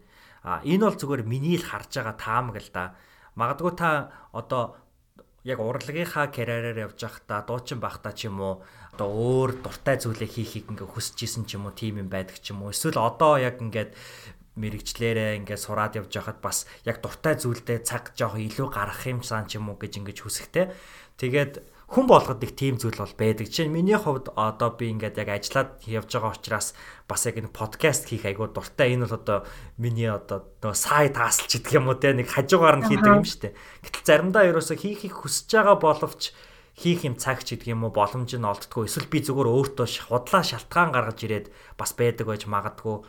Тэгэхээр таны хувьд бас яг энэ дуртай зүйлдээ цаг гаргахын хувьд одоо энэ 2019 ондоо хүмүүс бас тийм зорилгоуд их тавьсан байгаа ах. Тэгэхээр энэ хүмүүст ч гэдэг юм ер нь надад жишээ нь те яг энэ тал дээр юу гэж зөвлөхөө өөрийнхөө туршлага дээрээс Тэгэл яг энэ нэргээгээд л өрдөөс яг өөрсдийн цагийн менежмент болоод байгаа байхгүй. Яг цагаал зөв зарцуулж чадхал юм бол. Тэгээд миний хувьд болохоор би яг мэдээж яг Монголд байсан цагийн үеэр бол тэс ондоо явж байгаа. Тэгээд урлаг урлагийн хувьд би ханыг төсөл хэрэгжүүлж байгаа. Гэхдээ төслийн хувьд болохоор би надад тийм их цаг зарцуул одоо өдөр болгон зарцуулах цаг байхгүйгээ мэдээд ер нь бүр бүр өмнөөс эхэлж гисэн байсан. Тэгээд өмнөөс л төлөвсөн учраас барыг жилийн өмнө төлөвлөсөн байсан учраас хайрцангуу хөнгөн те тэгээд өөрөө мэдчихэж байгаа учраас хаана явж байгаа вэ за энэ дараа яах гэж байгаа вэ яаж тэрийг сайжруулах гэж байгаа гэж төлөвлөсөн учраас тэгээд эргээгээл хоёулынхаа дөрөвний ярьсан яг тэрмэн л хэлээд байна л да. Тэгэд ер нь ингэдэж штэ хүмүүс ингээд яг өнөглөд би ингээд э, мөрөөдөл гэдэг зүйлийг бүр нэг сүлдээ ярихаасаа бүр үнээр дургу болчихсон. Яагаад тэгэхээр бодсон цагтаа орноосоо босч чадахгүй эсвэл юу гэдэг э, би хооллолт өөрчлөх ёстой гэд өмнөх оройн бодсон ирнэ маргааш өдөр нь тэр бодсноо хэрэгжүүлэхгүй. Тэгээ ердөөсөө энэ өдөр тутмын цагтаа ажил дээр очих юм уу те.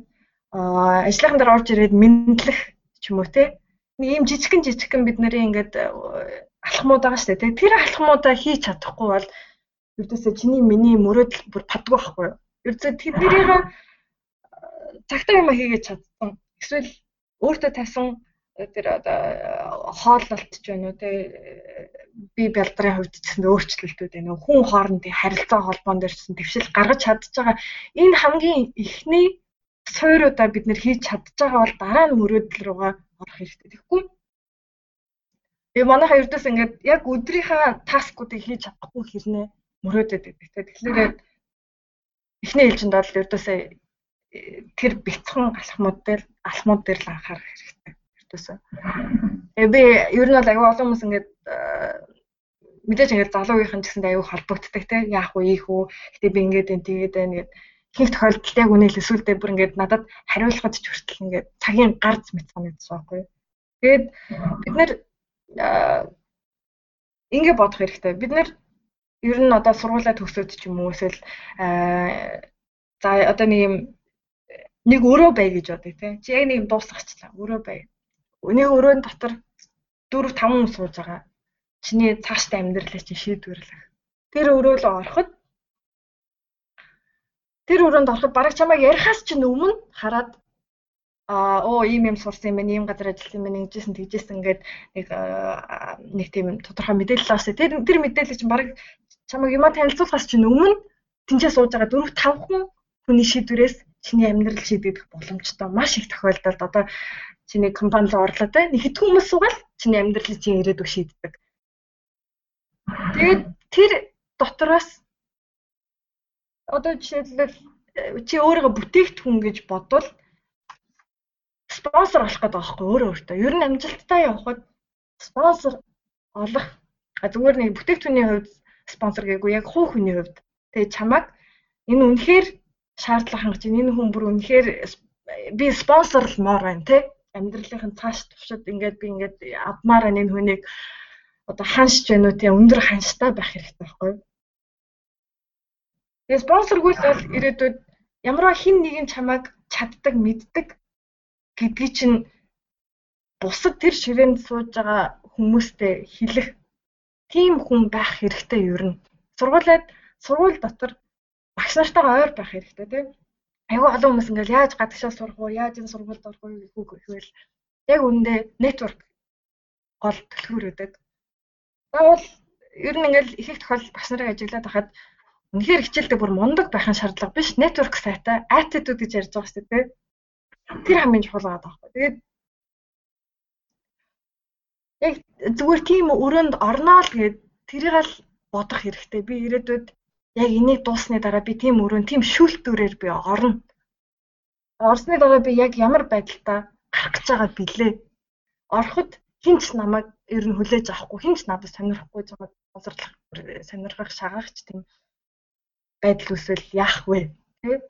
Тэгээд ер нь залуучуудад хандаж хэлгээд миний хувьд бол хин нэгнтэй уулзахад зарим хүмүүст ингэдэж нэг уулзахлаар нэг хэдхэн минутын яриад цааш юм ингээд юу ярих ч мэдгээ болцдог шүү дээ. Тийм байхгүй тулд тийм нөхцөл байдал тийм орохгүй тулд бид нэр одоо нөгөө ийм дуу гэдэг шүү дээ нөгөө нэрэ бэрэ Моника in my life гэдэг мэдгүй. Тарара тарара гэлтэй нэрэ дээр ми одоо тэнтэй гэж юм баггүй амьдралдаа одоо физикээс нэг жоохон анхан шатны ойлголттой эдийн засгаас нэг ойлголттой спорт онс улс төрөөс те Ана тэр энэ бүгдийг бид нэр амьдралдаа яаж ингэнээр хэрэгжүүлэх хэрэг сонин унших байхгүй. Сонин л уншдаг байх хэрэгтэй. Сонин уншдаг байхад ямар ч хүнтэй таарад ярих юмтай болно те. Тэгэхээр өргөн цар хүрээний гоё тийм ухаад аймаар тийм гоё юм гүн байх хэрэгтэй. Тэгээд за яриад байл зөндөл энэ дөө.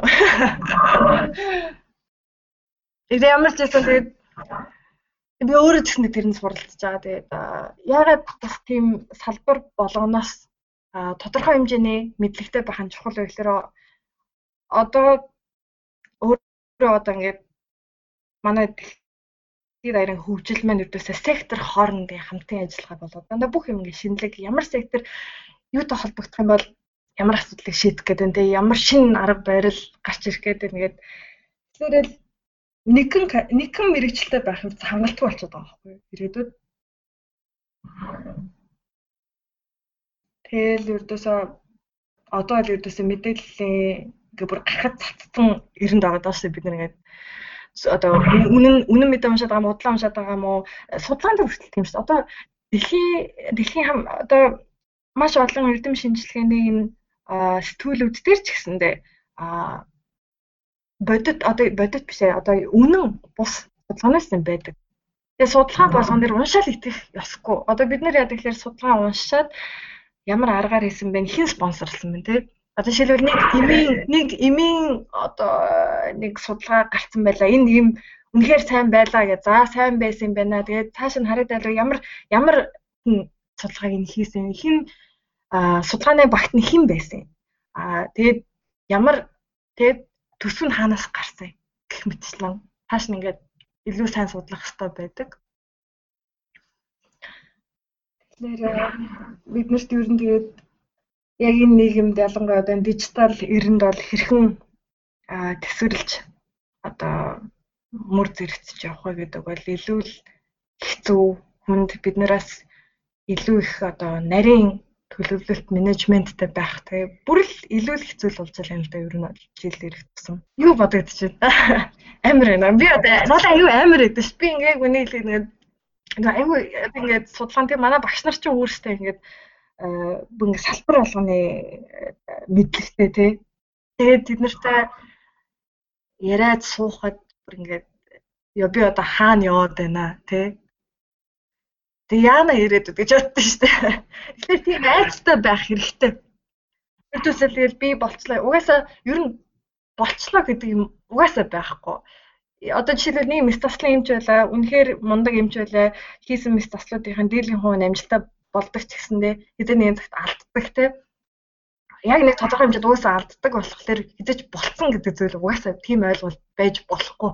Тэгээд байнгын л цангаатаа өлсөглөн байх ёстой. Тэгжиж л бид нэр тийм ухамсартай байж юм сурахгүй л болоод тэгээд жоохон юм нэг нэг номны нэг хэдэн хуудас уншчаал яа за би нэлээ юм олон мэдчихлээ те.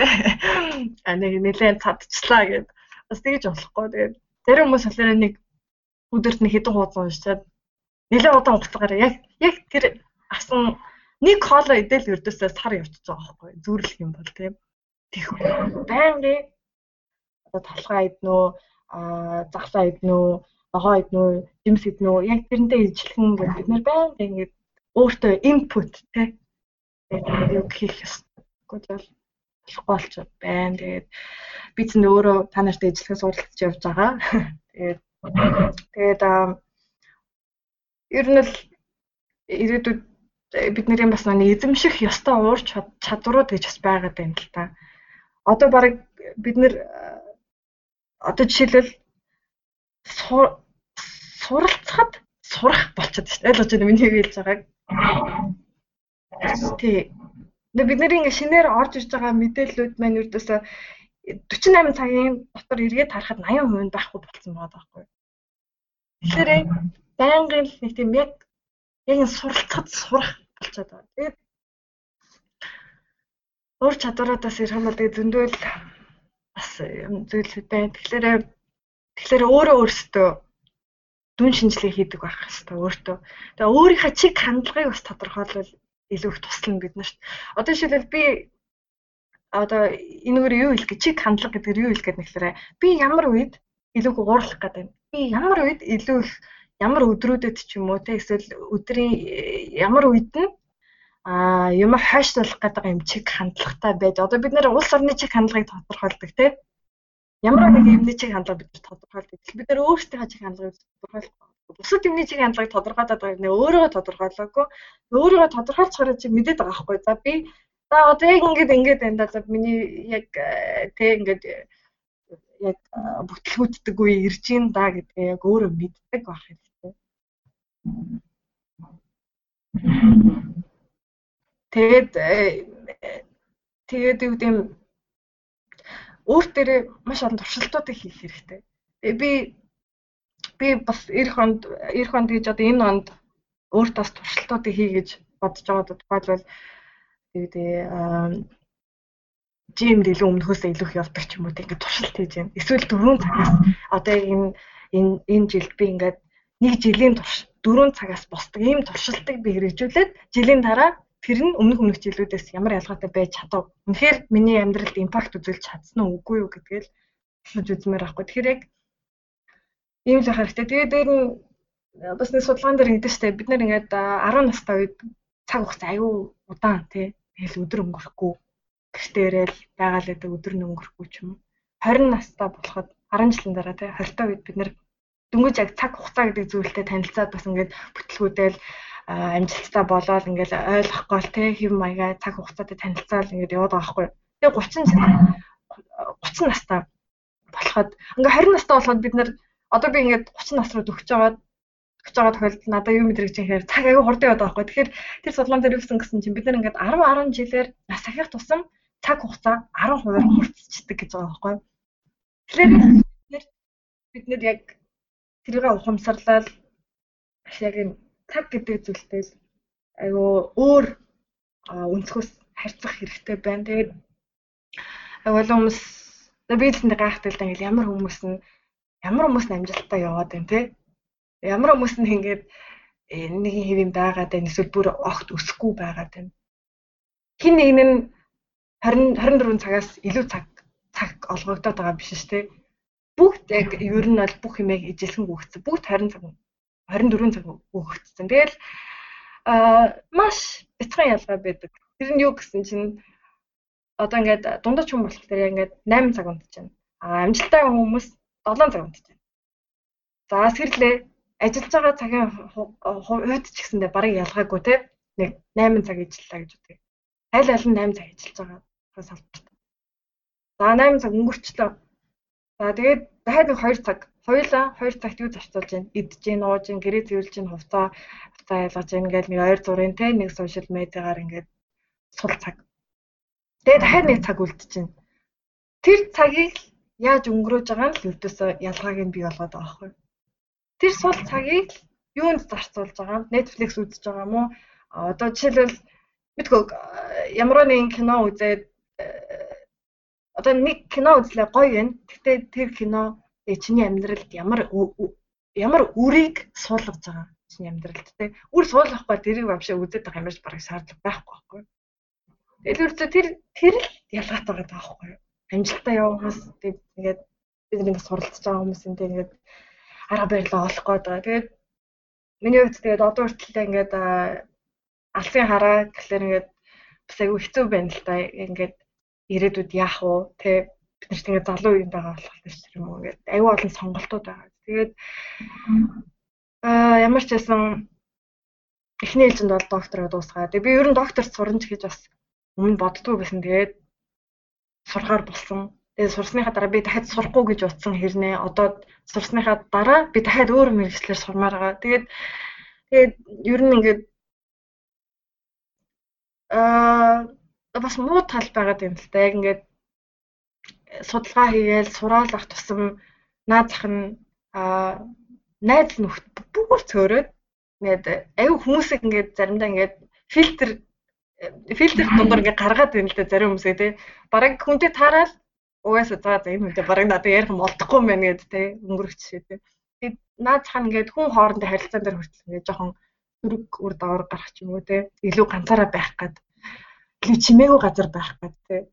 Тэгээд тэгээ ер нь бид нарт өөрсдөө л айгүй ухаалаг мэрэгэн байх хэрэгтэй байна. Тэгээд яг энэ зүйлд одоо надад ингээ подкаст подкаст ингээ оролцоод ярилцж байгаа юм бас айгүй гоё наа тэгэхээр би зүгээр яриад байгаа биш те яг ингэж ярьснараа гэсэндээ би өөрөө бас эргэцүүлж ингэ бодож байгаа байхгүй юу. Яг энэ боломж болгож байгаа. Энэ их гоё. Тэгээд энийг сонсож байгаа хүмүүс ч гэсэндээ мэдээж ахыг наваад хаягийг хаяад тэгээд айгүй гоё ер нь баярлаа ийм гоё подкаст хийж байгаа.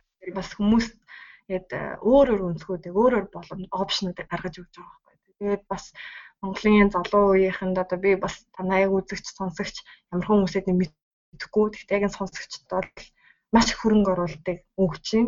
Тэгээд олон хүмүүс өргөцсөн. Тэгээд Эвгүй талархаж байна. Маш их талархаж байна гэх юм. Оо танд бүр их талархаж байна.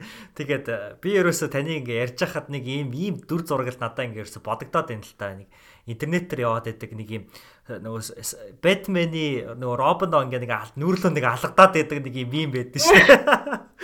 Яг та нар ингээ Бэтменийн юм шиг тэгээд би болно ер нь манай сонсогч нар яг тэг Робин юм шиг тэгээд ой сэрэч жод болохоо байлаа гэдэг зүгээр халагдаад байгаа юм санагдаад?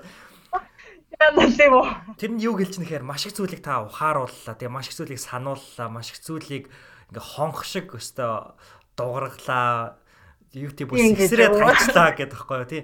Ер нь бол бүр сэгсрээд байгаа ш санагдал тэгэл ерөнхийдөө яг тийм мэдрэмж та надад өглөө. Баярлалаа. Манай сонсогч нарт ч гэсэн яг тийм мэдрэмж өгсөн баах. Тэгээд танд л баярлаа. Маш их үнцэн биднэрт өглөө. Надад л ийм боломж тэр бол олдохгүй тэгээд хүмүүстэй бас ингээд ийм цаг олно гэдэг чинь алтан цаг байхгүй юу. Тэгээд мэдээж яг бас оролцох өмнө гэснээр маш айдас байсан. Яг тэгэхээр бидний энэ сошиал медиа дээр оруулж байгаа бүх датанууд бол ингээд үрзээ мөнхийн баг үлдчихэж байгаа аахгүй тий. А наадах нь миний тоглосон кино гаргасан видео өдр эргээд харахаар юу тий яагаад ингэж юм бэ гээл тий. Яг тэрнтэй ижилхэн байхгүй үнэхээр их айцтай, имэйлттэй, даруулгатай байдаг ер нь өөрөө өөртөө тэгээд одоо би бурууг хэрэгэлчихгүй тий хин нэгэнд илэрхийлэх гэжсэн санаагаа арай жоохон ондоогоор илэрхийлчихвүү ч юм уу тий тиймэрхүү юмнууд ер нь бол биднэрт аяг гардаг болохоор маш хэмээлттэй бол байсан тэгээд ямар ч байсан маш их баярлаа тэгээд Бүхэн байсан бол баярлж байна. Тэгээд би нэг хүмүүсээс ер нь аюух юм авдаг. Тэгээд хүмүүс аюух урам зориг өгдөг. Тэгээд алтхад залруулдаг байна. За. За тэгвэл хоёлаа энэ хүргээд энэ удаагийн подкастаа өндөрлүүлээ те. Тэгээд та түрүүн хэлсэн бид нар ингээд зарим өдрүүдэд ингээд маш гоё ингээд өөдрөг ингээд сайхан сэрдэг гэд тэр нь өөрөөр хэлбэл нөгөө мотивац буюу сэтэл ингээд төлхөх хүч болдог. Та өнөөдөр бидний хувьд маш гайхалтай төлхөх хүч боллоо. Тэгээ манай сонсож байгаа сонсогч нар маань цаашдаа танаас сурсан энэ бүх зүйлүүдээ амьдралдаа хэрэгжүүлээд өөрсдийгөө татах хүч нь болж бас амьдрах болов гэж би итгэлтэй. Тэгээ бид бүхэд өнөөдөр маш хүн цэнийг өгсөн цэлмэн өгч танд маш их баярлаа. Танд болон таны гэр бүлд хамгийн сайн сайхан бүхнийг хүсье. За маш их баярлаа. Бүгдэнд нь ч гэсэндээ амьдралын хамгийн сайхан дээдийн дээдэг өрөөй. Тэгээд өдрийг сайхан өнгөрөөгөөд ирэх ондоо ч гэсэндээ бүгдээрээ илүү их амжилттай тэ ирээдүйгийнхаа аа замыг илүү сайжруулж чанаржуулцгаая. Бүгдэнд нь амжилт. Би бас хичээнэ. Та нараас хичээгээрэй. За тэгдэ. Маш баярлалаа. Баяртай. Баяртай.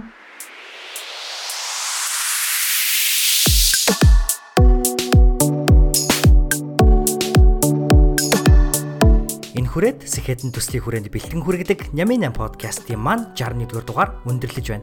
Цэлмэн өгчтэй ярилцсан энэхүү дугаар танд маш их таалагдсан гэж би итгэж байна.